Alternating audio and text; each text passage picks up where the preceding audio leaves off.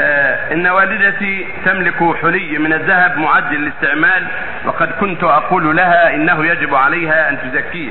ولكنها تقول إن العلماء مختلفين في زكاة الذهب المعد للاستعمال. هل تجب الزكاة الذهبي المعد للاستعمال أم لا؟ هذا مثل ما قالت أمك في خلاف بين العلماء. مثل ما قالت أمك في خلاف بين العلماء. منهم من قال فيه الزكاة ومنهم من قال ليس فيه الزكاة. والصواب أن فيه الزكاة. تعلمها تقول الصواب فيه الزكاة. إذا بلغ إذا بلغ النصاب صار عندها حلي.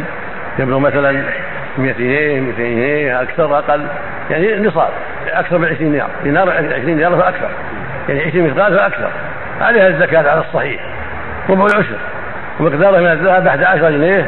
ثلاث تسبع جنيه. يعني ثلاث يعني 11 جنيه ونصف. أوضح فإذا بلغ هذا يزكى. وإن كان أقل فلا زكاة فيه. إذا كان ذهب.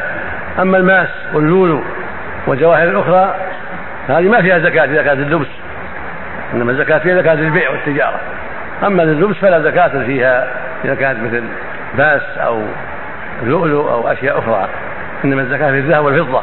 هذان المعدنان. نعم. طيب هي الزكاة تأكل الحلية بالتالي بعد كم سنة؟